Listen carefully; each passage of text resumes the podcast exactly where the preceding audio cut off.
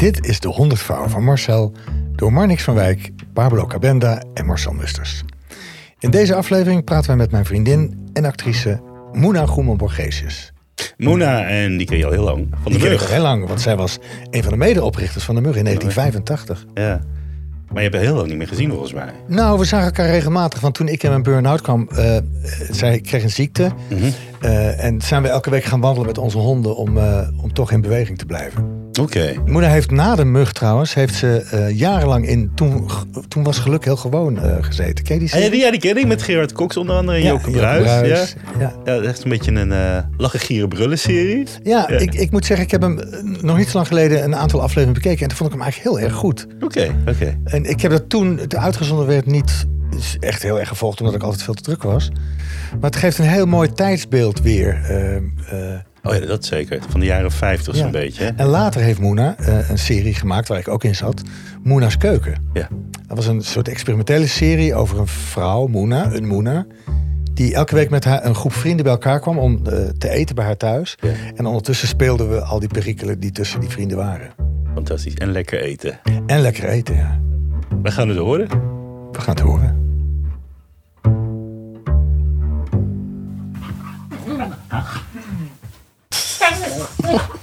Nou, we zijn begonnen. De hondjes die zijn al aan het spelen, Moen. Ja, die zijn eh smoorverliefd op elkaar. Mm. Ja, dat is zo leuk om te zien. Eh, en die denken, wat zijn ze stil? Ik vind het zo leuk dat je er bent, want je wilde in eerste instantie niet in de hele tijd.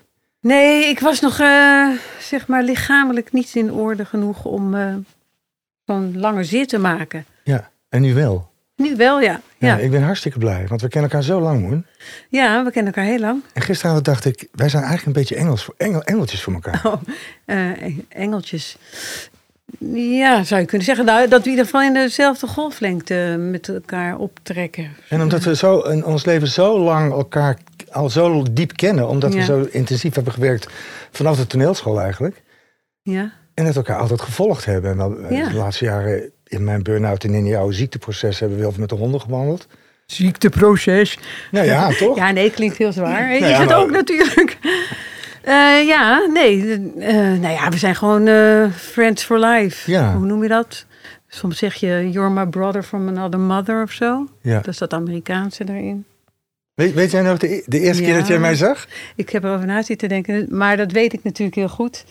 Ehm, ik zat in de tweede van de toneelschool en jij kwam net binnen en jullie gingen een. Dan mag je een eerste stuk spelen hè? en dan gingen wij kijken. En, en als je in het tweede jaar zit, heb je een, a- een beetje, laten we zeggen, een air over je heen. Ja, van, van- wij hebben het gemaakt, jongens. Ik zit er in het tweede, ik ben er niet uitgekikt in het eerste jaar. En dan ga je zo heel in geïnteresseerd kijken. En toen zag ik jou, ik weet niet meer welk stuk dat was, maar je had een wit kledingstuk aan. En je deed een soort laatste monoloog. Weet jij dat nog? Nee, geen idee. In het eerste en jaar. toen ja. zei ik, nou, die heeft het. Dat is het. Dit is hem. Ehm, dat ik dacht, eh, ja, dit is waarachtig of zo. Je Mm. kan het helemaal niet onder woorden brengen, want hoe oud ben je? 21 Ja, jij was nog jonger, Oh ja, dan denk jij? ik. Ja, want ik was al 22 of 23 toen naar de toneelschool ging. En jij bent meteen na de middelbare school. toch? Eh, ja, ik was... Eerst mocht ik er niet op, want ik was te jong. En je had niet genoeg opleiding geloof Ook ik. dat.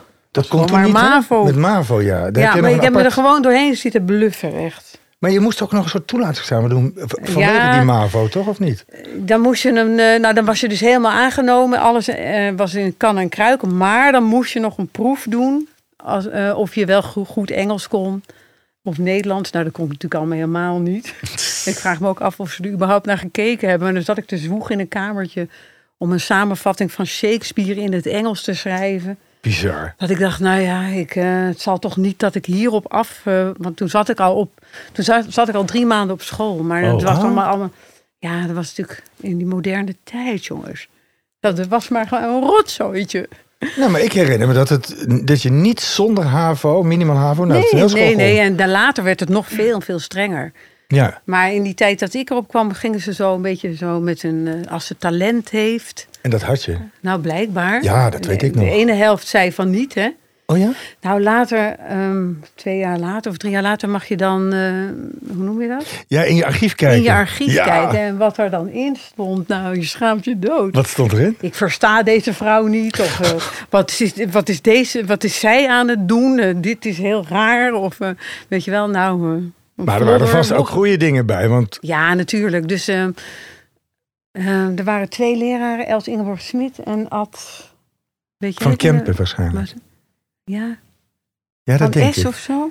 Nou ja, die is heel lang geleden al overleden, dus ik weet Ah, even niet meer wie dat wa- eh, hoe die heette. Maar die hebben echt voor mij gestaan. Die zeiden: nee, we hebben dingen gezien Ja. van haar. Zij komt erop. Want heb je ook oriëntatiecursus gedaan voor de Ja, ja, selectiecursus? ja. Met Carla Mulder. Oh, met Carla, ja. Die later in jouw ik heb kwam. gelachen toen echt. En Wat houdt dat in dan? Een oriëntatiecursus? Nou, ja, vo- voordat je naar toneelschool gaat, dan moet je eigenlijk eerst een oriëntatiecursus doen. Dat was toen, ik geloof, 14 weken of zo op elke zaterdag. ja, oriëntatiecursus en en daarna, daarna selectiecursus. Oh jeetje. Dus dan oriënteer je, maar dat is ook logisch, want je, je, je wil acteur worden, maar je hebt geen idee wat het inhoudt eigenlijk. En daar Ah, ja. kom je dan een beetje achter Ja. van wat het eigenlijk is. En dan kan je alsnog beslissen van ja, ik doe het of Ja. ik doe het niet. Ja. Ja. En ja, dan komt de is het wel iets voor mij of, eh, of Ja. niet, weet je wel? Want jij wilde altijd al toneel spelen. Altijd. Heel vreemd. Waar komt het vandaan? ja, ik weet het niet. Maar het zou ook van mijn vader af kunnen komen. Want die, die, die was dan, zeg maar, die zat op het Amsterdamse Lyceum in de jaren 40. En eh, da- daar was hij dan een beetje zo'n jongen die, ja, hij is de jeune premier. Hij kan toneel spelen, gedragen. Zoals eh, de ouderwetse toneelspeler toen eh, deden. Dus eh, zo zal hij zich, zo- ja, zich ook geprofileerd hebben als vader, denk ik. Ja, Begrijp je? Dat je... Ja, met zo'n bombastische stem. En, Ja, ja, ja, ja, ja. Mm. Maar hij kwam niet uit een artistiek milieu, of wel? Meer Nee, notabelen nee. waren, hier, Ja, waren ja, ja, ja, jouw eh, ja. voorfamilie. Ja, ehm, Goeman super chic. Toch? ja, het klinkt heel chic, is het ook. Soms zie ik een straat, Goeman Ja, Borgesius. ja, en, ja eh, dat, dat is dan allemaal uit, uit, de vroegere tijden. ja dat, zijn, dat zijn de voorouders van jouw vader dan. Ja, zeg maar even in het kort. Mijn overgrootvader die was eh, minister, eventjes minister-president, maar hij was minister van een partij. Ik geloof dat eh, in die tijd moet je dat zien als eh, aan de linkerkant van het liberalisme. CHU heette dat geloof ik in die tijd. En hij heeft ervoor gezorgd dat die wet van Houten doorheen kwam. En dan hebben we het over 1910, 1920 En wat was dat? dat kinderen naar school moesten tot hun veertiende. Dus niet op hun tiende de fabriek in eh, Oh, mochten gaan. Zo, goed. Dus dat is natuurlijk een hele grote vooruitgang geweest. En daardoor hebben, eh, heb je heel veel Goeman Borgesius scholen en Goeman Borgesius straten. Eh, oh ja, omdat dat dan een eh, ommekeer in de geschiedenis is geweest natuurlijk. En je vader was journalist. Die was journalist. Want toen ik op toneelschool kwam, toen vertelde jij dat hij journalist van de Telegraaf was. Ja, maar hij was geen journalist. Hij was hoofdredacteur. Hoofdredacteur, ja. Hij is natuurlijk wel begonnen als journalist. Maar eh, die was hoofdredacteur en later directeur. En ja, hij heeft die krant heel groot gemaakt. Kijk, en daar ben ik op zich wel trots op. Maar ik ben niet trots op die krant. Ja. Mhm. Ik herinner me dat ook nog van toneelschool. Er was een soort dubbel ja, iets dat in. was, nou ja, ja eh, eh, als je het hebt over canceltijd en zo. In die tijd was... Ah, Weet je, dat Eh, ik amper weet wat het precies is. Ja, het is gewoon dat iemand dat, dat het dan niet meer mag wat je doet. Is dat het is eigenlijk eh, iemand uit de groep stoten. Eh, Van, van, van, jij vindt jezelf een groep, zeg maar. En je vindt dat diegene niet me- meedraait. En dan mag hij niet meer meedoen. Maar, maar hoe, hoe zat het dan met jou in de familie? Want was het nou zo dat je ouders er iets op tegen hadden dat je ging acteren? Nee, helemaal niet. Oké. Ja, nee, nee. ehm, mijn vader is, en mijn ouders zijn gescheiden. Toen ik drie was, op een hele klassieke manier. Want mijn vader die werd over de, over de eh, bureau getrokken door de secretaresse. Oh ja. Zo moet je het een beetje Mad weet je wel. Een beetje Ja, ja, ja. Mad Men wereld was dat. Want eh, er was inderdaad heel veel alcohol op de redactie. Dus hè, dan gingen de lades open waar de whiskies in lagen en zo. En dat was dan al om half één 's middags. Maar ehm, En hij is later met die vrouw getrouwd. ja, Dus jullie waren al heel jong eh, dat je alleen bij je moeder woonde. ja, ik was drie. Toen Dus je weet niet eens meer hoe je vader... Dat, dat je vader Nee, maar het was wel in de tijd dat het dan net uitging. En dat het dan, ehm, ja, het was allemaal eh, dramatisch. Voor mijn moeder natuurlijk. Ja, ja. Want jij bent met je zus samen? Toen, we, toen bleven we met mijn zus samen. En mijn moeder op eh driehoog eh, in, die, in de rivierenbuurt achter. Maar goed, mijn moeder werd hippie. Oh, Dus na je vader? Nadat ze uit elkaar Ja, waren? ja, ja. Dus eh provo pakken, weet je wel, zo helemaal wit, eh, wit eh, Levi pak. Oh, dus die acteursopleiding was helemaal geen probleem. Nee, vond mijn vader ook niet hoor, helemaal Ah. niet. Nee, dat was geen probleem. Hij wou er alleen niet voor betalen, geloof ik. Maar... Maar, maar je moeder werd hippie, zeg je, maar je vader had dat hippie niet, of die... nee, helemaal niet. protestachtige. Nee, helemaal niet. Nee, Interessant dat die dan samen waren. ja. Nou ja, daarom zijn ze misschien uit elkaar Het was gegaan. omdat mijn moeder zo mooi was. Ja, dat is waar. Hele mooie vrouw. En ze was toen ook stewardess, weet ik nog. Eh, toen ze elkaar tegenkwamen, was het denk ik... Ja, dat is een beetje vaag. Want dan zitten we weer opeens weer 1954 of zo, 55. Ehm, zal ze net nog wel stewardess zijn geweest, denk ik. Ja. Tot 59 werd ze zwanger. Ja, dan mag je niet meer vliegen Maar dat is natuurlijk. toch heel bijzonder dat je moeder op die le- of op, in die tijd al stewardess was. Want dat was toen nog een heel bijzonder beroep, denk ik. Ja, het was wel bijzonder, maar ze hadden dus te weinig eh, personeel. Net als nu overal. Dus dikke eh, stewardessen werden ook aangenomen. En zij was nogal dikker. nou, we zouden zeggen chubby. Ja, Maar- chubby leuk, lekker. Wij vinden dat dun nu.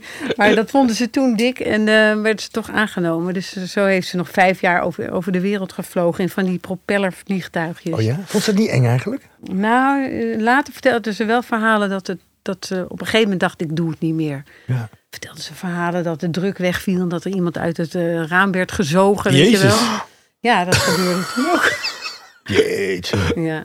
En ze heeft een keer met Marlon Brando... eh, ja. ja, dat is natuurlijk de anekdote van de familie. maar het is toch een Ja, super ja, ja, anekdote? super anekdote. Dus ehm, ze zat in zo'n vliegtuig waar een Amerikaan ook in zat. En die vond mijn moeder wel een leuke vrouw, want zij was Indisch, hè. Mhm. Dus ik, ben, eh, ik heb Indische bloeden. En ehm, toen vlogen ze naar Wenen en toen zei hij, wil je een avond met me uit? Maar hij was toen nog niet zo bekend, hè. Dus, eh. Toen was ze nog heel knap waarschijnlijk. Want Ja, ja, zo, ja. Ja. Toen hij jong was, zo'n knappe man. Hij, ja, Ja. ja. natuurlijk. Dus zij vond het wel interessant. En toen heeft hij haar heel Wenen laten zien. En eh, ik geloof dat ze, daar heb je toch van die mooie paarden. Van die, Die van- Lipizaners. Ja, zo, eh, eh, nou zoiets hebben ze gedaan. Dus, en, en toen ging ze weer. Ging ze weer En denk je dat ze seks heeft gehad eigenlijk? Nee, ze zei van niet. Oh Dus ja. zij was daar heel open in. Ja, dat was misschien in die tijd ook niet meteen van... nee, maar eh, ze- volgens mij was ze er niet vies van. Maar het, het is, het, Dat is niet gebeurd. gebeurd. Maar ja, dat is een mooie, een mooie anekdote. Ja. Maar goed, eh, dus mijn ouders waren gescheiden. Dus het werden twee op aparte werelden. Ah, Oké, ja. Dus je hebt dan eigenlijk de rechtse wereld. ja. En de linkse progressieve wereld, waar, wij, waar ik in zat met mijn zusje en mijn moeder. Mhm. Dus ja, dat botste nog wel eens tegen elkaar, weet je wel. Dat, ze- dan, dan kwam je bij... Ik, ik, ik had een oppasfamilie die, waar ik op kinderen paste. Maar die waren dan eh, echt helemaal van de VPRO. Ja. Oh, nou is de dochter van, de, van die afschuwelijke telegraaf. eh, die, die zit bij ons. Ha, ha, ha. weet je was in het, naar het andere Dus- kamp overgehaald. Ja. Ja, En, en, en hoe was het leven dan met je moeder en je zus alleen zo? Ehm, nou ja, voor mijn moeder was het dan hartstikke moeilijk. Maar die deed echt alles, weet je wel. Dat je met z'n... We gingen altijd op vakantie zes weken. En je moeder had zo'n auto, geschilderde auto ook en Geschilderde zo. Renault 4. Ja. En dan... eh, ja, ga maar, maar, ga maar schilderen. Maar gewoon alles erop schilderen wat je leuk vindt. Dus wij allemaal schilderen in die auto. Oh, daar heb je het echt van. Ja, daar heb ik het denk Want die ik wel wel- creativiteit is nog steeds zo. Ja, Je- ja, je ja, hebt nu ook de tassen voor, de, voor de, deze... Alle Ja. vrouwen krijgen een tas altijd. Een hele mooie muttas Ja. die je ontworpen hebt. En er zit een hele mooie tekening in die je van Mika maakt. Je hebt Ja. honderd schilderijtjes van Mika gemaakt Ja. die iedereen één krijgt. Ja, ik had ook... eh, Nou ja, ik had natuurlijk ook naar de... Jongens, jongens. Het zijn net kinderen, Ja. die honden. Rustig. Ik had natuurlijk ook naar de kunstacademie ge- gekund. Maar eh, dat wou ik niet. Ik wou toneel spelen En wanneer is het gebeurd? Voor jouw gevoel? toen ik vier was. Serieus? Ja, ik denk dat je dan iets op... Je doet dan iets in de klas of op school en dan, dan denk je... Dit ga ik, dit is wat ik wil. Dit is het. En weet je, dat, Ah, ik weet je wel- ook nog wat je deed dan? Of, Ja, ik mocht eh, Bruintje Beer spelen in de, de musical Reinoud de Vos. oh ja. Nou, dat vond ik geweldig. Dat sloeg helemaal nergens op. Weet je nog wat, dat- wat dat deed met je toen er publiek bij was? Ja, nee, dat, ja, je denkt gewoon, dit, dit, dit is het. Niemand gaat mij weerhouden van dat ik wil acteren. En iedereen zei, nee, dat kan jij niet. En eh dat is, nee, daar is ze veel te, ja, ik weet niet. Ze geloofde niet in mij. Ze is daar veel te expressief voor. Of, Was toch juist goed? ja, maar me. ja, dat, ik weet het ook niet. Ja, maar. Moena was heel natuurlijk en vol en veel, weet je wel? Veel waarschijnlijk. Nou, en, eh, nee, maar op een fijne manier, maar, maar nog niet gepolijst en zo. Dat was ook zo bijzonder toen ik jou op de toneelschool zag. Want ik weet het nog heel goed dat ik jou zag. Wat zag jij dan? Nou, jij was eigenlijk Lila, jouw dochter. Daar leek, leek je toen Ja, maar wat zag je? Wat, wat, wat, wat Ik heb zag een heel creatief, eh, gevoelig, gevoelige vrouw die heel veel kon. Ja, En nee, je, maar- je, je was toen dikker en je had toen een, ik Ja. weet een soort India's rokje aan. Heel, vond ik heel stoer en heel sexy. En je, nou, op een gegeven moment hebben we een opera gedaan op de toneelschool. Ja. Omdat het 100 jaar bestond, geloof ik. En je had daar de, een van de hoofdrollen in. En nou, het was echt alsof er een, een mega eh, eh, ster op het toneel stond. Ja, grappig, hè? En jij zong daar eh, dingen. En Ja, ik was daar niet bang voor. Maar eh, weet je, het valt of staat bij mensen die je tegenkomt, die dus jou ehm, accepteren zoals je bent en je zien. Want dat is iets, als je niet gezien wordt, door, en je zit net in het verkeerde golflengte, dan, dan lukt het je niet. Maar heb jij dat toen ook zo ervaren? Dat je inderdaad gewoon al die warmte van het publiek kreeg en gezien werd als een soort van ster die daar stond? Of ging het gewoon volledig langs je heen? Nee, het gaat niet langs je heen, maar je denkt wel, dit is de goede weg, jongens. Ja, ja. Maar het is heel moeilijk om dat vast te houden. Hm. Want iedereen gaat aan je trekken. Eh, Iedereen zegt, nou, je kan dit wel doen, dat wel doen. Eh, eh, je zou zo, je, je moet naar de operaschool. Of weet, weet, eh, ik weet niet wat er allemaal rondgonste toen. Maar ik dacht, nee, dat ga ik helemaal niet doen. Ik wil acteren, dat is wat ik wil. Ja, gewoon koppig, denk ik. Je bent gewoon hartstikke eh, eigenwijs. Ja, uiteindelijk wist jij het beste wat goed was voor je. Eh, intuïtief waarschijnlijk wel, maar ik heb waarschijnlijk ook heel veel goede dingen weggewoven die ik wel had moeten doen. Of Ja, waar ik wel ja. had naar moeten luisteren. Mhm.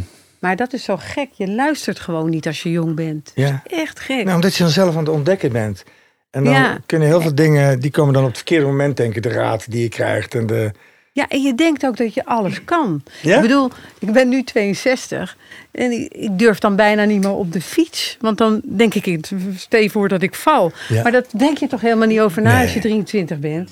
Hoppatee, eh, drie kinderen op de fiets, tassen aan het stuur. Mhm.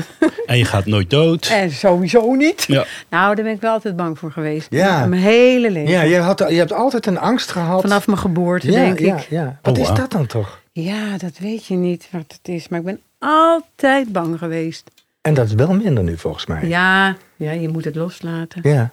Maar ik weet nog dat bijvoorbeeld als kind was ik ook altijd bang. En dan eh, zei mijn moeder, want die was dus heel erg eh, artistiek, hè, dus die maakte dan allemaal ijzeren werken en ik weet niet wat voor kunst en alles ze gemaakt had. En er stond daar een potje zoutzuur in de kast, want dat had ze dan opge. En dan had ze gezegd: Pas op, hè, dat is echt gif. Daar mag je niet aankomen. Nou, jongen, met een boog van hier tot ook. liep ik over. Ik zie het nog staan, dat potje met zo'n rood deksel, met zo'n rood dopje eraan. Dat je daar altijd bang voor bent, altijd. Of dat je dan dacht. ehm eh, er stond mijn moeder in de keuken een boterham te snijden. En dan lag ik in bed en dacht ik, ja, maar stel je nou voor dat het een heks is. Hè? Dat kan. Je moeder? Ja, Oh. maar dan heeft ze zich natuurlijk als mijn moeder Vermomd. omgetoverd. En dan zit ik nu met een heks in huis. En dan echt dat, dat, je die, dat die fantasie echt helemaal zo werkelijkheid Heb je daar ooit met je moeder over gesproken? Ja, ja, ja. Dat ja. kon ook gewoon. Ja, zij lachte het altijd weg. Ze- Ja. "Nou, niet zo gek. En weet je waar het vandaan komt? Ja, moet ik even over nadenken. Doe maar. Ja, maar ik. Nou, dus volgens mij, die, ik, ik heb gezien dat jouw angsten veel minder werden. Naarmate het eigenlijk steeds pittiger werd, je leven. Ja, ja. Je hebt op een gegeven moment die angst ook een beetje opzij geduwd. Ja, je moest wel, want, want, want je staat op het podium. Of je moet iets, je moet iets ophouden, je moet iets bereiken eigenlijk altijd. En eh, dat is wel wat je, wat je, dat zeg je wel, maar ik heb juist het idee dat ik steeds onzekerder werd, ook op het podium. Ja, maar dat kwam omdat het bewustzijn over wat Oh acteren ja, is. ja, En dat vind ik heel. Dat heb ik nog tegen hun gezegd. ja. Dat daar door de school en door de e- eerste jaren is er ook iets bij jou weggegaan. Ja. Omdat je zo'n natuurlijk talent was. En maar zoveel invloed kreeg van allerlei andere dingen. Hoe, weet je wel, waar je aan moest houden of weet ik wat. Wat ja, dan echt op het was. streepje, eh, Ja. dat is allemaal niet zo erg. Maar ja, je, je wordt ook, je wordt gewoon ouder. Ja, Ik denk dat dat ook is. En je wordt ertoe gedwongen ook. ja. Nou ja, ik dan wel lichamelijk. En misschien geestelijk ook wel hoor. Dat je er toe Echt veel gedwongen wordt om, natuurlijk. ja, Ja. om dat verleden achter je te laten. Of om in het echt in het nu te proberen te staan. Ja. Ja, ja, want hoe was dat? Want op een gegeven moment eh, ben je erachter gekomen dat je Parkinson had. ja. Wanneer is dat? Een jaar of drie, vier geleden? Nee, nou, eh, dat, ja, dat is een heel raar proces is dat. Maar ik kon mijn arm op een gegeven moment niet meer bewegen. Althans, niet meer bewegen zoals ik het wou. Dus die ging de hele tijd omhoog, die arm. En ik denk, nou ja, zeg, naar beneden met die arm. Ik dacht, oh, ik heb een, ik heb een, hoe noem je dat? Zo'n frozen shoulder, Oh, dacht ja. ik toen. Ja, ja, Want mijn zusje had dat ook. En, zo. En toen kreeg ik het aan die andere arm ook. En toen dacht ik, oh, zo'n pijn had ik, verschrikkelijk. Dus iedereen zei, ja, je bent gewoon overspannen van alles wat je hebt meegemaakt. En dit en zus en zo. Dacht Terwijl- ik ook eigenlijk. Terwijl ik dacht, ja, maar ik vind alles superleuk, weet je wel. Mhm. Ik kan me niet voorstellen dat dit mentaal is. Nou ja, eh, het zal dan wel, weet je wel. Dus het zal dan wel eh, een burn-out zijn of zo. Dus, eh, nou, en toen werd ik gevraagd of ik bij de, ehm, John van Eert Oh, een blijspel wilde doen met Margot Dames erbij. En toen dacht ik, ja, maar dat, dat, dat trek ik niet. Mijn lichaam wil dit niet. Maar ik ging het toch doen. En na, ik geloof na een week zei ze, wat is er met jou aan de hand? Toen zei ik, ja, ik weet het niet. En toen dacht ik, nou ja, het zal wel zijn omdat ehm, ik zoveel meegemaakt heb. En eh, helemaal eh, door de rode. Ja. Nou ja, en die dokter zei, nou, nou, nou ja, je moet maar met een eh, praktijk, eh, hoe noem je dat? Ter begeleiding. Ja, praten. Dus ik in zo'n bezemkast, want eh, het was echt verschrikkelijk. Zo Oh ja. praten dat je denkt, nou, wat zit ik hier nou te doen? En die mevrouw zei, nee, nee, het is heel duidelijk hoor. Je bent echt helemaal burn-out. Dus toen dachten we de hele tijd aan dat het een burn-out was. Dus ik heb drie jaar daarmee gelopen. Jezus. En op een gegeven moment kon ik niet meer lopen. Ik kan echt niet meer lopen. Dus het leek net of iemand me met een looie bal zo eh, naar achteren trok terwijl je loopt. En toen eh, kwam ik weer bij de tandarts. Of, hè, want ik was al drie keer bij een neuroloog geweest. Die zei, nou, nee, ja, het is ook heel erg al in het cultuurland. En eh, Oh ja. ja. dan raak je wel van overzenuwd. En eh, dat is het gewoon. Want ik dacht, nou, wat zal het zijn? Ja, weet ik veel. Dat moet de dokter zeggen. En toen kwam ik bij een tandarts. En het een hele botte man. Maar goed, daar was ik ook al 25 jaar mee. En ik, ik zat te klapperen met je handen ook zo, weet je wel? Dat Ja. je echt denkt, nou, dit is niet normaal. en eh, die zei, nou, je hebt Parkinson. Ik zei, nou, hoe kom je erbij? Want ik ben al vier jaar bij de, loop ik al bij de artsen. Ik heb dat niet. Maar ja, toen ging natuurlijk toch een belletje rinkelen.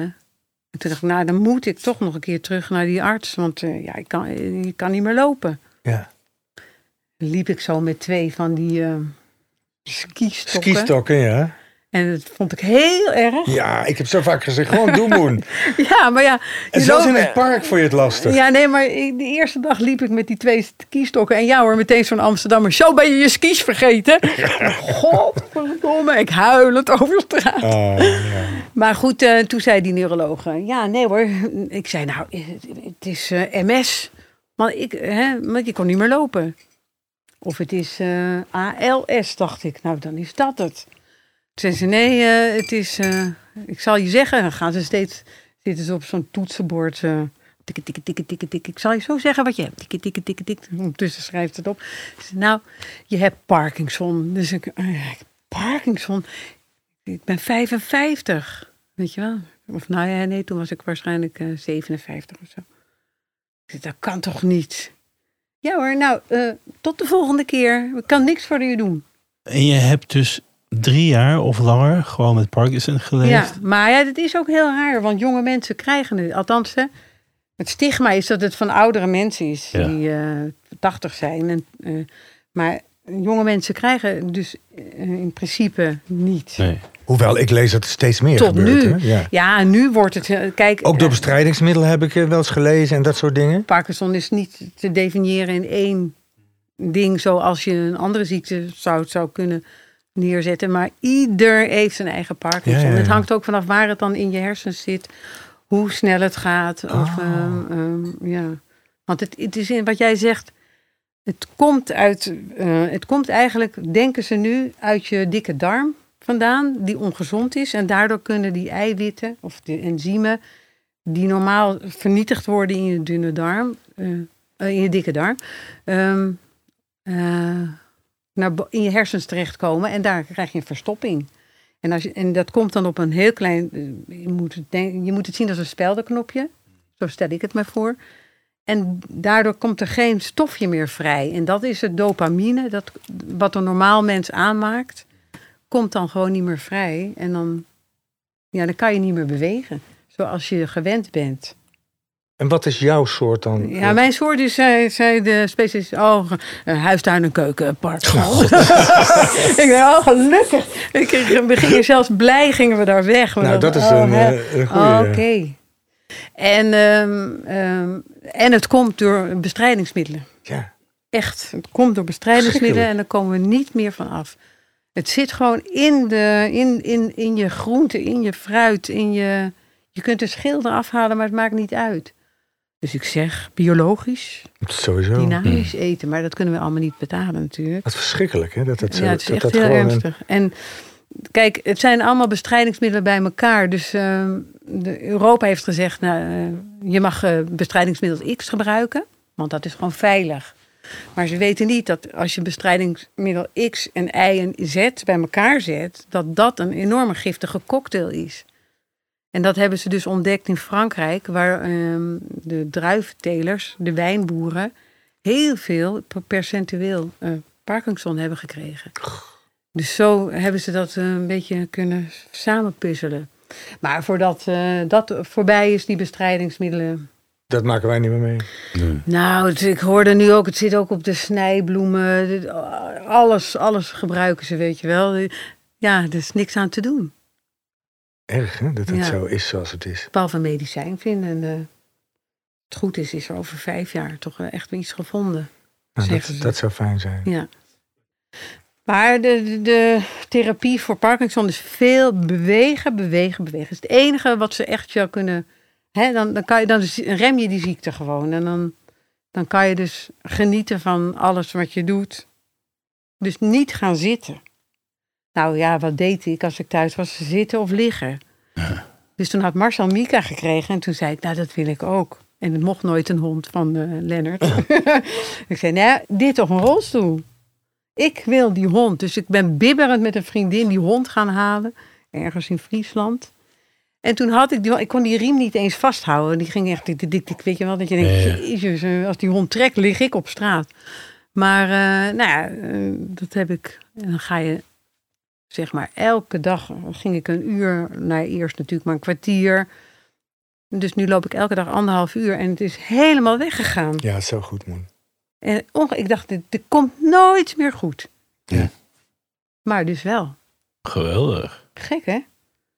Maar betekent het nou dat je dan een, op een bepaald niveau bent en daar blijf je ook? Of verslechter je nog steeds? Nou ja, het is een progressieve ziekte, dus Ja. die verslechtert wel. Maar ehm, ja, als ik het nu zo bekijk, als dit het is in zeven jaar, Mhm. en er komt weer zo'n zeven jaar, dan gaat het redelijk langzaam. Ging die neuroloog ging ook zeggen. Kijk, je hebt par- ik, ik, ik, ik, eh, ik, ik hou mijn hand omhoog, dames en heren. En dan zei ze, dit is Parkinson. En dat gaat dan naar beneden. Heel langzaam, hè? Heel langzaam. Ja, ik dacht, ik, ik val nu dood neer. Ze Ja, zag ja, ja, waarschijnlijk mijn ogen eruit puilen. Toen dacht ik, oh ja, heel langzaam. Dus eh, daar ga ik dan vanuit. Ja. Da- Ja, da- dat is heel vervelend dat je, als je gezond bent, denk je, nou, dit is mijn toekomst en zo zal het gaan als ik ouder word. En dat, is, dat moet ik dan maar loslaten, want dat weet ik echt niet. Nee, nee. Nou, vertel eens even trouwens over de mug. Want we, be- we begonnen de mug. En Ja. ehm, vertel eens even zo hoe dat, hoe dat was. Nou, ja, kijk, wij waren een clubje van de toneelschool, die dus eh, een project deden met Jan Ritsema. En dat was... eh, Bekende gevoelens, gemengde gezichten van ja, Botus trouwens. Ja, met eh, Marino. Marino Westra. Ja, de Westra, want er moest worden stijl, stijl gedanst. Ja. Nou, dat was een hele mooie productie voor de toneelschool. Daar hebben we de Top Naafprijs Oh, mee gewonnen. Ja. Dus dat was, eh, ehm, nou, dat, dat was iets een beetje, zeg maar. En in die tijd was hij verliefd, was Jan Ritsema verliefd geworden op een leerling van school. Barbara die, die dus intussen ook overleden helaas. Die ook al helaas overleden is. Ja, dat is ook verschrikkelijk van oud worden. Ja. Dat we helemaal niet oud zijn en dat er toch veel mensen overlijden. ja, maar voor heel veel jonge mensen zijn we oud. Ja, absoluut. Ja. Maar goed, die hadden een, die hadden een ideaal over, eh, eh, over een Duits toneel. Dat was toen het hoogste toneel. Dat is trouwens heel eh, mo- mooi toneelspelen, zei je. Waarachtig en dramatisch. En ehm, die, die hebben die groep opgericht. Dus die zochten daar mensen bij waar ze geïnspireerd door raakten. En daar zat ik dan toevallig bij, maar jij ook. En- Nee, ik zat Oh, er niet bij, want ik heb me er zelf ingewerkt. Hoe ik werd werk niet je ergens in dan? Nou, ik zat in het derde jaar en ik, ik dacht, nou, maar ik wil bij die groep. Want ik wist al toen ik naar de toneelschool ging, ik wil niet zo'n acteur worden die wacht op de telefoon tot hij een, Nee. een baantje krijgt. En ik had het werktheater gezien en ik dacht, nou, dat is wat ik wil. Ja. Zo, met mensen samenwerken. Dus toen ik hoorde dat er een groep werd opgericht, dacht daar moet ik bij. En toen heb ik me echt naar binnen gewerkt in die zin dat ik echt nou, met iedereen ging praten van ik wil er wel, ik wil erbij. Ah. Ja. Nee, want Evert was er al bij, Chris Maar die moest er ook in praten. Nee, ja. ja. maar die waren er al eerder. Chris Vinken, Evert Ja, ja. van der Meulen, Mark Rietman Ah. en eh, Erik de Vogel. Waar jij later nog iets mee kreeg. Nee, dat was daarvoor. dat was ervoor, ja, op school. dat is waar, ja. Dat was gewoon op de toneelschool. Want wat deden de mensen op de toneelschool wel niet allemaal bij, met elkaar? Nou, ik heb met niemand iets van toneelschool Toen ik op de toneelschool kwam, was het eerste eh, wat, wat eh, kregen we een eh, zeg maar zo'n introductiepraatje van de studieleider. Het eerste wat we kregen waren allemaal folders over geslachtsziektes Oh, en condooms. Weet ik niks ik van. echt dacht, wat is dit? Weet ik niks Ik was van. heel bleu hoor. Ja. Ja. Nee, dus ehm, nee, dat was daarvoor. En hoe heb jij zo de, de- al die jaren naar de mug gekeken als je kwam kijken en zo? Wat, wat vier je daaraan op? Hmm, toen dacht ik, nee, we zijn elkaar ontgroeid.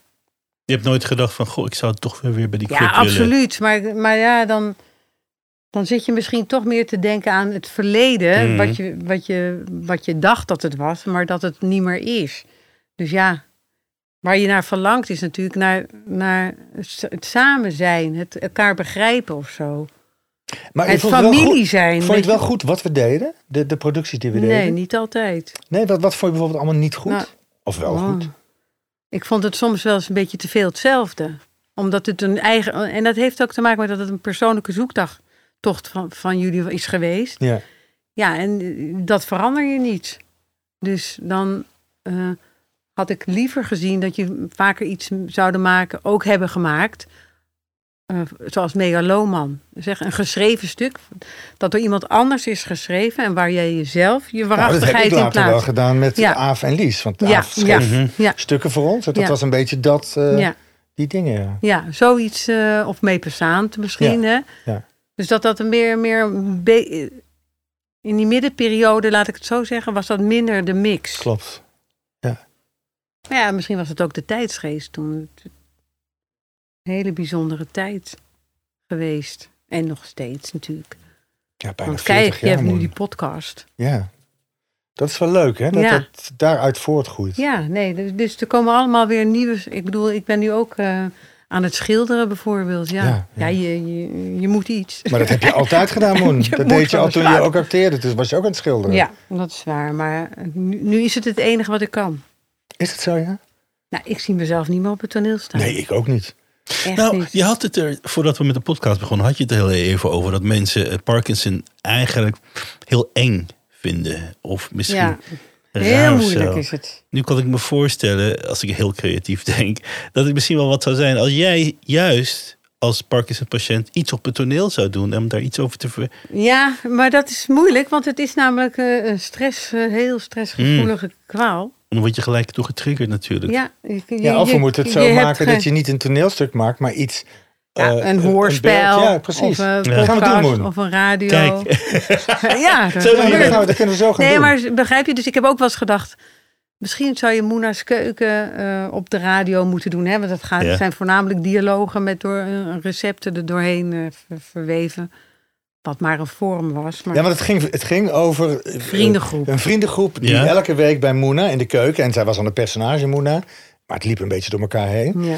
Die, die vriendengroep, en het waren ook echt best vrienden met elkaar... want we Ja. kennen elkaar heel lang... Eh, en elke had een, ik was een advocaat, een homoseksueel advocaat en zo, een goed, de beste vriend van haar. Ja. En elke week gebeurde dan iets. ehm, Wat we bespraken terwijl aan Moena tafel. ondertussen aan het koken was, maar ook tegen de camera zei: Het lekkerste is als je hier nog een beetje dit bij doet. En ondertussen ging dat door. Dus het was eigenlijk een Ja. Ondertussen was er een relatieprobleem aan de gang aan die tafel. Dus de En- werkelijkheid en, en spel die Christine programma Ja. Verhalen zat er Ja. bijvoorbeeld in. Ah ja, ja, ja, ja. ja. En een hartstikke goede rol. Ik ben nog zo. Ontzettend dat leuk moment haar man vreemd Zij- ging, cheert. Ja. En hoe die, die, af, die af, de aflevering dat Ja. zij dan helemaal eh, bij Met ons die kwam zitten. tietenbo tegen het raam aan gaat staan. Dames en heren, ga kijken online. Ja, ja. Maar, ja, maar dat, ehm, ja, dat kan je ook alleen maar maken als je die mensen ook goed kent. ja. Ja. Zoiets Ja. schrijven. Het is doodzonde dat we daar niet hebben door mee kunnen gaan. Nee, maar ja. We ja, moesten de aflevering niet in twee kan- dagen draaien. Ja. Wat helemaal niet te doen was. Ik had wel eens aflevering voor vier dagen gedraaid. Ik dacht, hoe kan dat nou in twee? Toen, gelukkig hadden we handheld camera's. En was een Ja? leuke regisseur, die, die zoon van Lisa. Shady en, eh, eh, f- ja, Ja. Shady, ja. Die heeft het heel goed gedaan. Maar ik, heb, ik zag zo de potentie van wat het kun, kon Had zijn. kunnen zijn als, men, als je in televisieland mensen had gehad die ervoor hadden gestaan Ja. en gezegd hadden: Weet je wat, we herhalen het wel op een middag tussen vijf en zes. Mhm. Weet je wel, Ja, en we tijd- geven meer geld voor de tweede serie. Want er- Ja. het, het zat er allemaal in. Dat is begrijp zo niet, zonde. Maar we zaten net op een breukpunt daar bij de NPO. Ja. Wat het een wespennest is echt niet normaal. Nee, en het is bij En dan nader inzien wel het. zo heftig dat het zo lang duurt voordat je iets kan ontwikkelen. Terwijl Ja. we zitten vol met ideeën. eh, het- dat houdt het tegen dat Ja. die creatieve dingen kunnen gebeuren die Ja. eigenlijk gewoon moeten gebeuren. Ja. Dat is heel treurig Ja, eigenlijk. ik voel me af, zo'n serie als Hertenkamp, die zouden misschien nou, om allerlei pragmatische redenen, of misschien wat van redenen ook, zouden misschien helemaal niet doorkomen, of wel? Nu, nou, nee, nu, nee, nee, het kan- zou komt nooit er niet door. worden. Veel te duur ook, hè? Weet je, wij, wij, fil- wij filmden op, wij, wij filmden op film, hè? Ja. dus niet op video. Uh-huh. Dus je had niet eindeloos materiaal. Dus het was ook veel geconcentreerder werken. En wij bij Hertenkamp hadden gewoon genoeg geld om te repeteren bijvoorbeeld. Samen het script te lezen. Heb je, heb je tegenwoordig helemaal niet meer. We hadden een locatie waar we elke week naartoe gingen. In België, dat huis. Ja.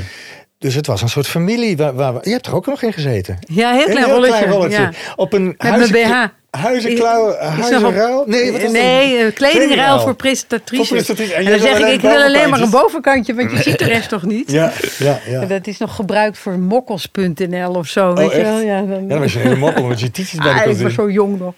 Maar knap was je, Moen. We waren allebei knap trouwens. Het is wel erg dat we dat nu pas zien, hè?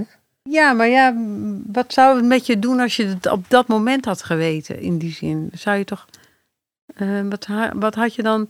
Kijk, Wat ha- had het je dan- omdat, eh, nee, het zou dat hebben gedaan dat je... hoef- Je had jezelf niet per knap hoeven vinden, maar wel mooi genoeg dat het oké was zoals je was. Maar wij, jij was altijd te dik, vond ja, je. ik was... werd- Ben je op de ja, toneel... maar dik was... Jouw dik was lekker. Ja, maar op de toneelschool was het zo dat dan zeiden ze, ja, je- de- de- eh, jij wordt de nieuwe Rita Corita. Ik weet niet of dat mensen nog Oh, wat nou zeggen. ja, god, of dan, daar moet je het ook over Ja. weer?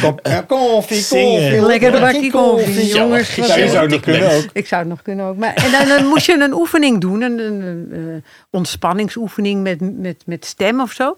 En dan zeiden ze, oh nee, maar Moeners been moet met twee of drie mensen worden opgetild. Het was gewoon helemaal niet waar, maar dat was zo'n stigma van, je hebt dikke benen, dus dat kan iemand niet in zijn eentje Oh, optillen. Maar je hebt ook altijd veel te veel te veel... eh, Gegeten. Nee, eh, niet gegeten, maar de- dat als een soort... eh, dat je zo dik was. Dat heeft je ook altijd beheerst. Ja, maar ja, dat is wat de mensen op jou geplakt hebben. Mijn vader zei het al, ja. Ah ja. Maar ja, dat, ik, ik kom zoveel mijzelf tegen in jonge mensen. Mhm. Weet je wat ze zeggen? Ja, ik ben te dik. Dat je denkt, jij bent zo mooi. ja. Maar ze zien het niet. Ja, hoe dat kan, weet ik eigenlijk ook niet. Maar heb jij, Moena, heb je ook gewoon door, jou, door je formaat ook gewoon geen rollen kunnen krijgen die je graag had willen hebben? Ehm, nee, dat geloof ik niet. Nee. Oké. Het is alleen wel zo, ik ben toen heel dun gaan worden. Want ik dacht, ah, nou wil ik dun worden, nou is het klaar. Toen ben ik, werd ik heel, had ik één cracker en tomatensoep, werd ik heel dun. Ja, en dan ben je ook niet meer dik, hè? Mhm. Dus dan ben je, dan ben je gewoon niks. Dan ben je niet. Nee, Ben je maar ik bedoel. Oh, ben je- ben je je bent niet dun en je bent niet dik. Je bent gewoon eh, de eeuwige verpleegster. Dus ik, altijd, ik kreeg altijd rolletjes als verpleegster hier, verpleegster daar. Maar ik weet wel dat jij en ik ook altijd op dieet waren. Altijd. Altijd. Nu nog trouwens. Echt waar. Nou, niet echt hoor, maar eh, nou, mijn zusje heeft eh, een hele zware suikerziekte gekregen. Die ze heeft weg kunnen werken door echt heel dun te worden. Die was nog veel dikker dan ik.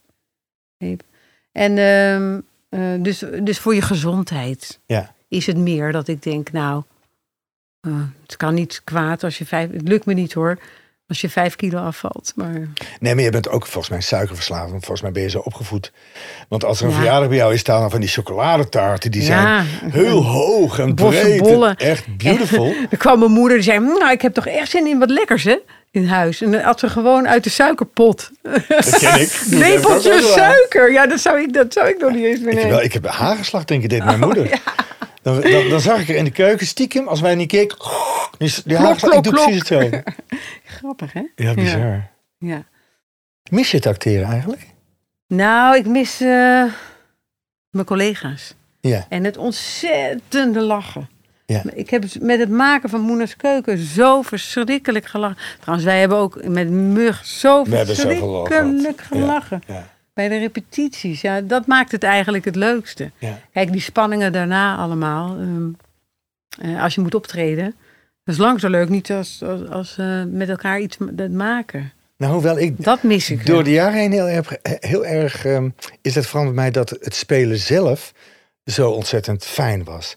Dat, dat die, die anderhalf uur op Ja. toneel een soort meditatie was. Want alles kon je vergeten. Alleen maar hier en nu met de mensen Ja. dat dingen. En, Nou, als je jezelf kon verliezen. ja.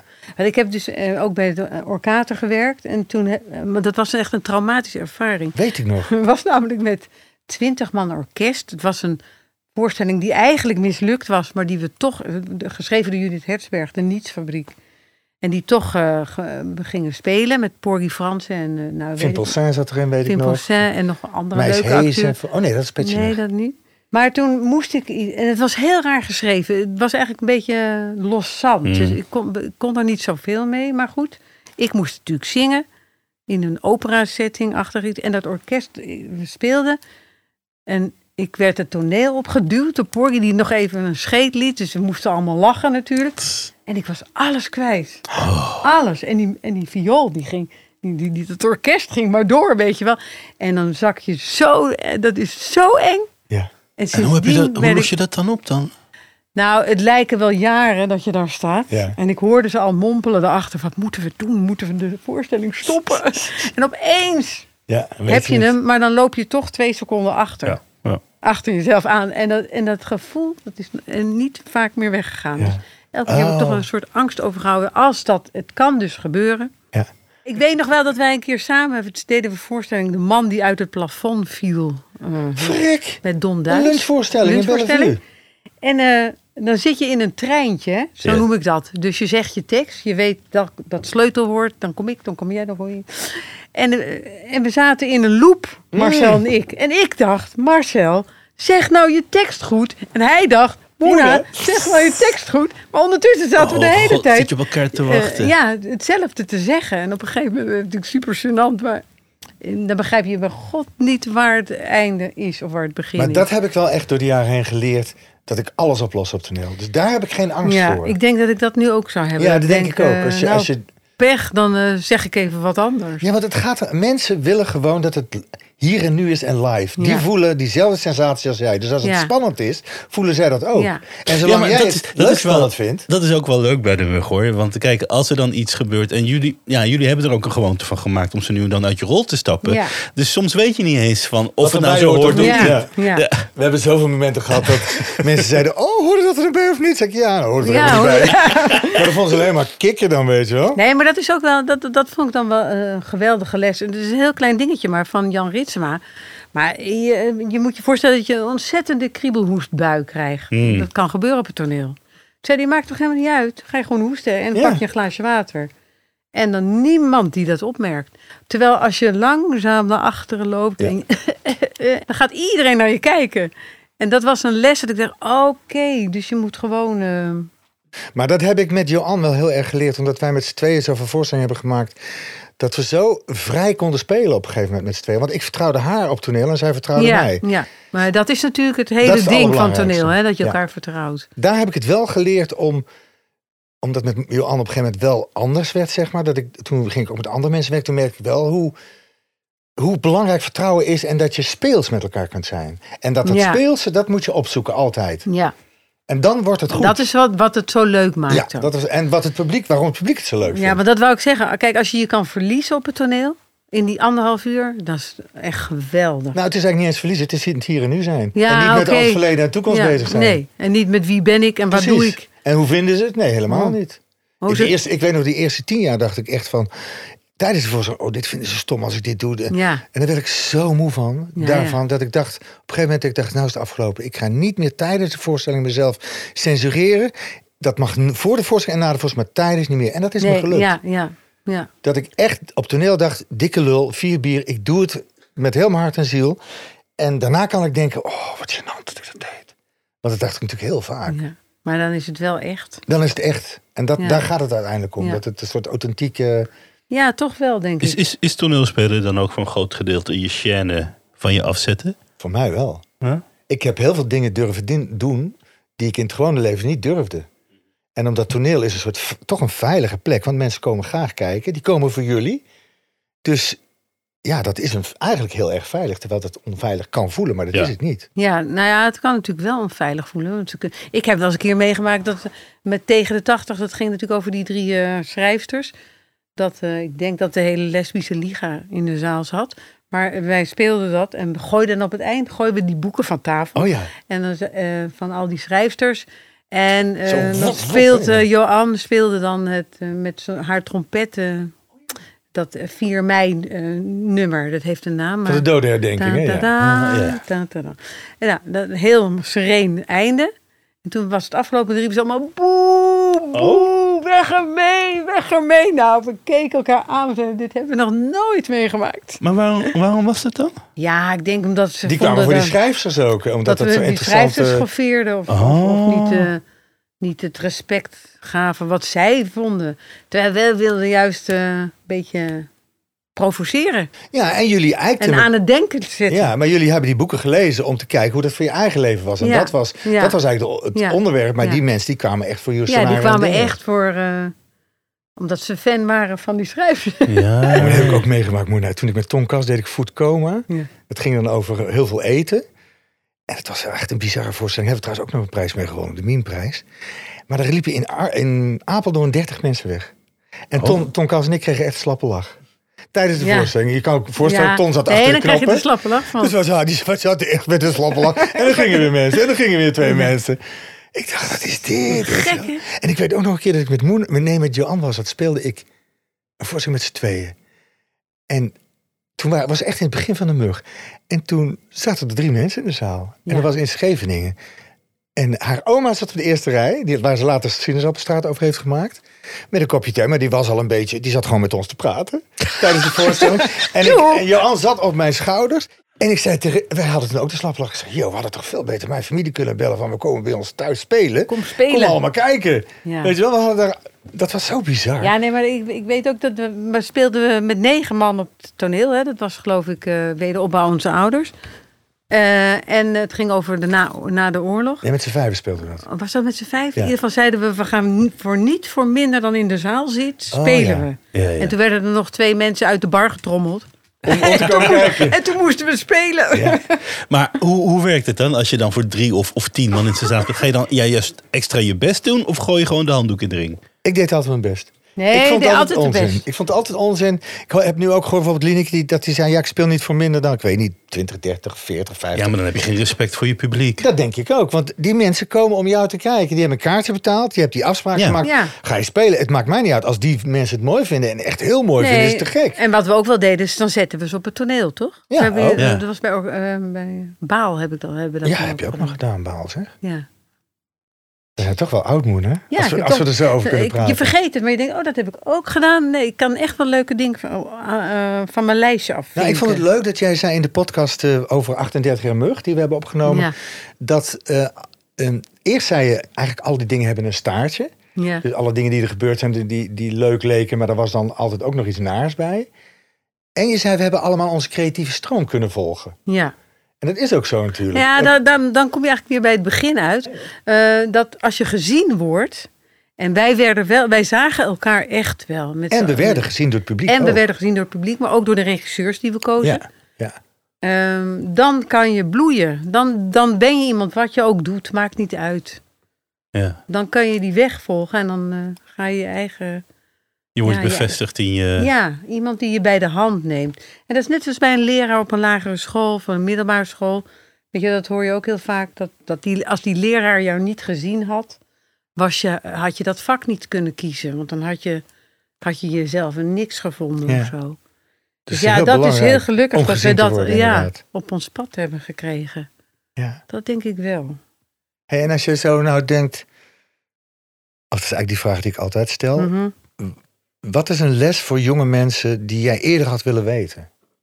Oh, die ik eerder had willen weten. Waardoor die mensen sneller door kunnen, weet je wel? Ja, nou ja, ik zat meer te denken van ehm, in deze tijd is het heel negatief alles eigenlijk. Hè? Dus ik zou zeggen voor jongeren dat je, ja, je moet gewoon altijd positief blijven. Ja, maar dat is zo makkelijk Ja. gezegd. Stom hè? Nee, ik begrijp, het is een cliché. Ehm, wat, Maar hoe zou je dan positief kunnen blijven misschien? Is dat een... Ja, en, en waarom zou je positief moeten blijven? Is het positief? Ja, omdat je een mens bent. Je bent gewoon een wezen op aarde. Net zoals alle wezens op aarde zijn. Hè? Beesten, insecten, bomen, maakt niet uit. Ik noem dat dan wezens. Dat, ehm, dus je bent hier niet voor niks. Maar dat klinkt heel... eh, Nee, maar dat vind ik wel leuk om even over te praten. Want Eh. daar hebben wij het ook vaak over als we wandelen. Het Ja. zijn eigenlijk heel privé gesprekjes. ja, maar dat komt omdat mensen anders denken dat je knettergek Ja, bent. ja, ja. Ja, dan zaten we echt zo in het bos. Dat spraken Niet zeggen, die ja. En dan hadden we alle twee dezelfde soort ervaringen. Ja. En, en eh, daardoor begreep ik haar ook zo goed. En jij was eigenlijk ook, zeg maar, op, op dat niveau ben je al heel lang een beetje... Heb je heel andere ideeën of, of diepere ideeën. Ja, ik weet ook niet of dat ja, misschien eh, genetisch ge- ingegeven is. Ik had een oma die was Indisch, half Indisch.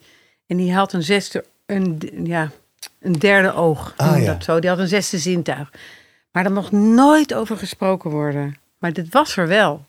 Als jij kan, jij gelooft er wel in als ik, ik kan jou gewoon bellen. En dan gaat er een, een, een energiesignaal, dat kunnen wij niet zien. Ga, gaat eh, naar een ding wat, eh, wat we nog in, heelal geschoten hebben. En, dan en dan praat ik met jou. Dat is toch gek? Dat vind ik gek. Maar goed, ik, ik, ik, eh, ik ge- geloof het, want ik hoor je stem. Maar jij kan dus gewoon met Marcel communiceren op afstand, zeg maar. Nee, Maar- dat, dat zou kunnen. Zo zou je het Ja. kunnen zien. Nou, mijn, mijn vriendin Ja, ja, ja. Marianne, die heeft dat tien jaar geleden tegen mij gezegd. Die woonde in, in Duitsland en die zei... Marcel, als jij een keer mij, aan mij denkt, ja. dan zal ik jou bellen. En dan moet je naar de zon kijken en dan, moet je, Ja. en dan, moet, en dan zal ik jou bellen als het zo is. En dat is een paar keer echt Ja. zo gebeurd. Hey, dus- Dat draaide voor mij alles om. Ik dacht, hey, what the fuck? nee, maar bij mij is het zo, denk ik. Dan ga, denk ik aan iemand. Mhm. Oh, niet aan denken. En volgende dag, ja hoor, komen ze langs, bellen ze op. Want ik weet niet, het zit dan in een soort, ja, tijdsvacuum. Hoe kan je het, ja, golflengte, radiogolven. In ieder geval, ehm, Het is in ieder geval meer dan je gewoon ja, kan dat zien. geloof ik absoluut. Ja, absoluut. En wat heeft jou geholpen daarin? Nou, dat je, de rust, dat, dat je je rust erin kan vinden. Want? Nou, omdat je goddelijk, het goddelijke, maar dan moet je niet denken aan God met een baard, maar je, je innerlijke ziel, dat ben jij en ik ben verbonden met jou, net zoals de bomen met hun wortels verbonden zijn met andere bomen. Heb je wel zo'n foto of een filmpje gezien? Dan zie je die van Ja, bovenaf. ja, ja. Die bomen die gaan gewoon naar elkaar toe, van elkaar af. En, en jij denkt, nou dat is de wind die doet dat. Maar dat doen die bomen zelf. Dus eh, ik geloof dat dat ons als mens verbindt. En als je het dan weer terug wil voeren naar wat jongeren. Jongeren zijn zo losgekoppeld door de media, eh, social media, hè, eh, telefoonzombies soms geworden. Dat, ehm, dat, dat, dat- nou, ik denk dat je daar wel angstig van kan worden omdat, als jongere, omdat je je niet verbonden voelt. Want je voelt dat gewoon niet meer. Althans, je denkt dat je het niet voelt. Ja, ja ze zijn het een beetje kwijtgeraakt. Ja. Te snel kwijtgeraakt. Nou, laatst zag ik dus, eh, dus, eh, liep ik over straat en toen viel er een man van zijn fiets af. En die lag een beetje te spartelen als een krab. En ik liep daar met een halve stok en de hond eh, aan de andere kant. En niemand die deed iets, want ze zaten allemaal op hun telefoon. Oh. Ze stapten bijna gewoon over die man heen. Dat ik dacht, wat is dit voor wereld? Begrijp je, zo is, zijn we verwoorden. Ja. Althans, daar moeten we voor oppassen. Maar ja, dan hebben we nog niet die vraag beantwoord over jongeren. Nee, en misschien dat ze meer die verbondenheid zouden moeten opzoeken of aanvaarden. Nou, je niet zo door de media laten leiden. Gewoon eh, met je handen in de aarde zitten. Mhm. Ja, iets creëren. Denk ik. Want het, gaat het gaat wel om creëren, hè? Het leven. Ja, volgens mij wel. En het hoeft niet eens zijn dat je voortplant, maar dat je gewoon iets maakt waar een ander blij van wordt. Laat ik het zo Dat denk zeggen. ik ook alsmaar. Dat, nou, dat hoeft niet eens blij wat te zijn, Nee, maar waar, het- gevoel geeft dan. waar de toekomst beter van wordt voor jezelf Ja. en voor andere mensen. Al is het zo klein als het, Ja. als het is.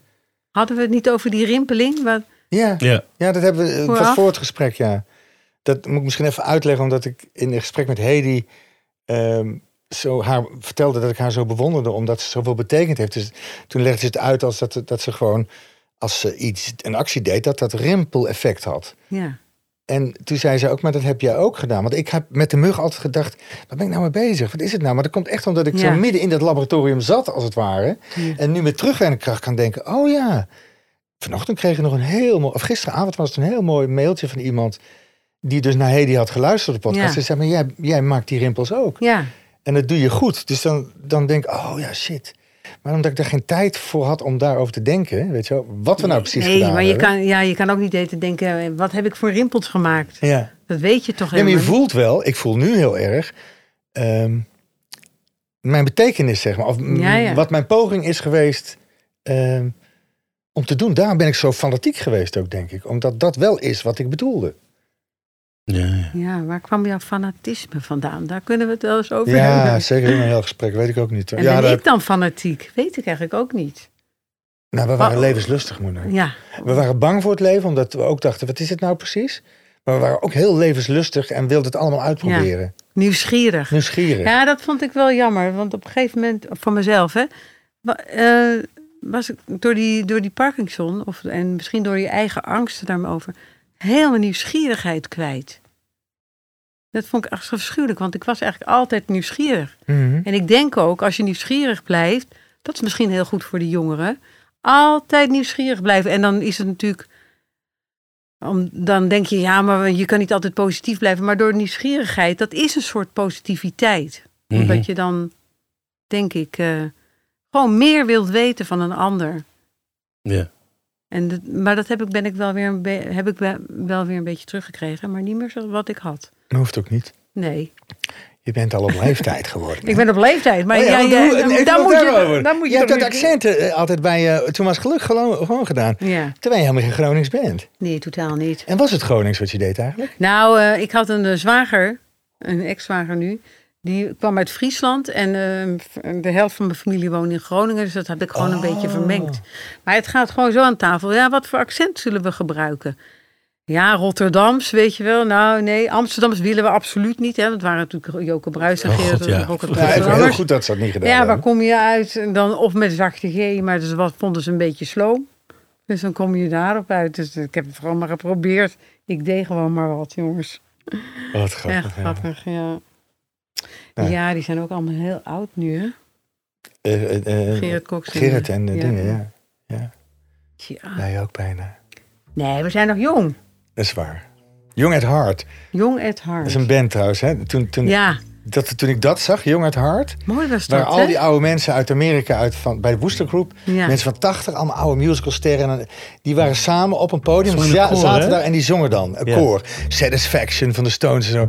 En toen ik dat zag, dacht ik... Oh, je kan dus je hele leven dit blijven doen. Heb ik tegen Ja. Jo Anno gezegd... joh, we kunnen gewoon tot ons einde op stoelen blijven zitten... en verhaaltjes vertellen en liedjes zingen Maar voor dat is wel zo Maar dat eigenlijk. is ook zo. En waarom eh, kan, eh, gaat dat dan niet meer? Verhalen vertellen op stoelen voor mensen. Helmut. Woudenberg doet dat nog steeds. Ja, ja, ja. Nee, maar dat, eh, dat, dat is een hele mooie toekomst... Ja. als, als ik dat zou Ja. willen. ja. Dankjewel, moeder. Nou, alsjeblieft maar zo. We praten zo nog even door. Even door. Gaan we even lenen. Eh, le- eh, lenen. Lenen? Ik heb gisteren drie jointjes gerookt. Dat was echt te veel. Oh, gossie. Nee, ik was zo moe. En ik dacht, ik moet rustig zijn. Ik wil even op Moena concentreren. En toen ben ik eigenlijk in slaap gevallen. Heb ik wel allemaal leuke filmpjes van jou gezien. En over ons leven nagedacht. Ja. Eh, maar nu is het afgelopen. Afgelopen. Ja, op. Dankjewel, lieve moeder. Ja, jullie ook bedankt. Hartstikke leuk. Dit was de 100 vrouwen van Marcel met Moena Groeman Borgesius. Wil je reageren? Doe dat dan via Facebook of Instagram. In de volgende aflevering praten we met actrice Rian Gertsen, bekend van onder andere De Luizenmoeder. Tot dan. Wil je adverteren in onze podcast? Stuur dan een berichtje via mijn Instagram of Facebook. Of mail naar de 100 vrouwen van Marcel en schrijf daarbij 100 in cijfers.